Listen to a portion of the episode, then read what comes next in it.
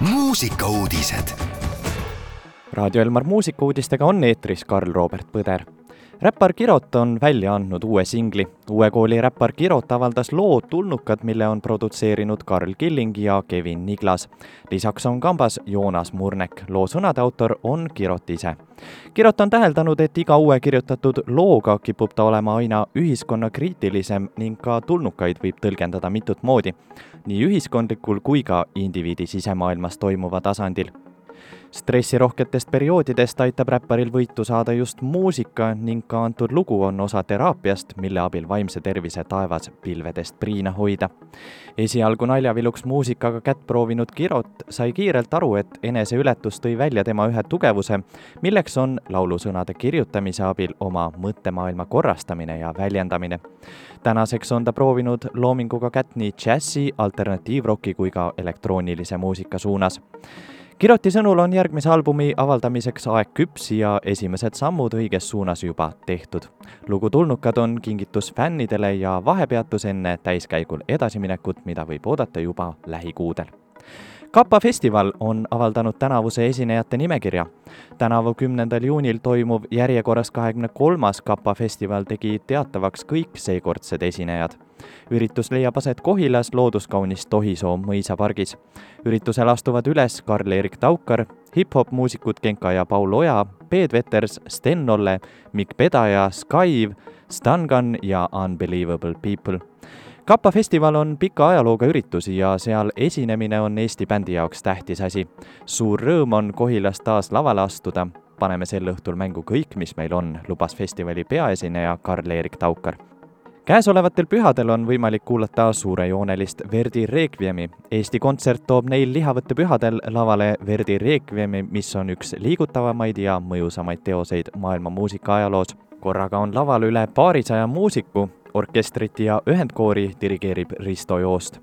eile ja üleeile kanti teost ette Pärnus ja Tallinnas ning täna, kaheksandal aprillil kõlab Requiem Vanemuise kontserdimajas.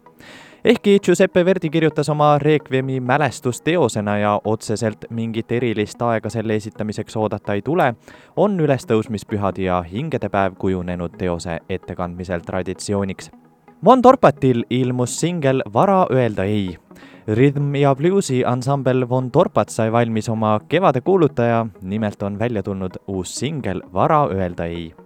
bänd pani ennast korralikult proovile ja rakendas mitmeid Motown muusikast tuttavaid elemente. eriti tõstaksin esile trummi ja basskitarri mängu ning vokaalseid lahendusi, ütles ansambli eestvedaja Johannes Vedru. lugu on siiralt jaatavas vormis kirjutatud julgustus inimesele ja tema edasipüüdlikkusele vara öelda ei muusika põhiautor on bändi kitarrist Henri Lohk, teksti on kirjutanud Johannes Vedru, loo on produtseerinud Ahto Aabner ning salvestanud ja kokku mänginud Peeter Salmela. selle jaatava loo nüüd panengi kohe mängima ja loodan, et see julgustab meid kõiki. mõnusat kuulamist! muusikauudised igal laupäeval ja pühapäeval kell kaksteist, viisteist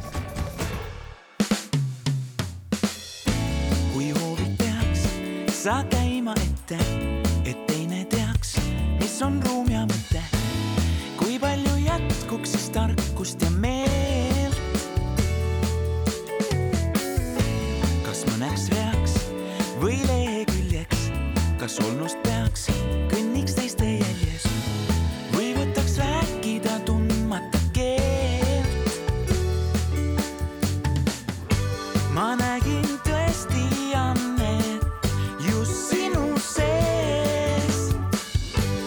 ma nägin tõelist õnne teed. käid unistades, kui tule vee alt välja püüd, siis varavee.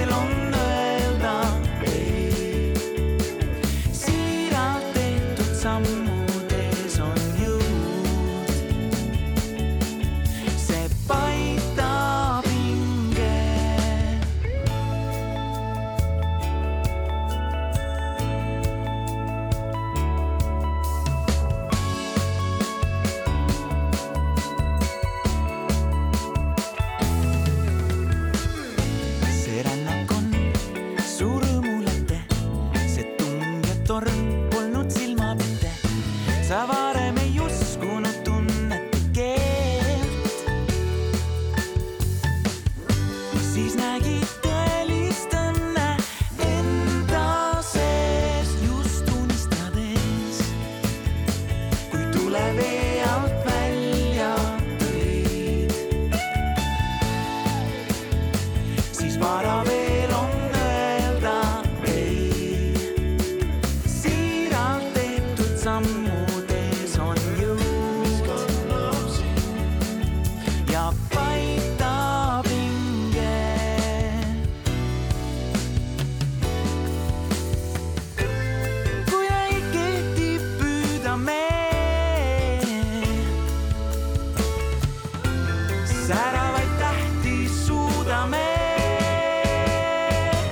teid unistades.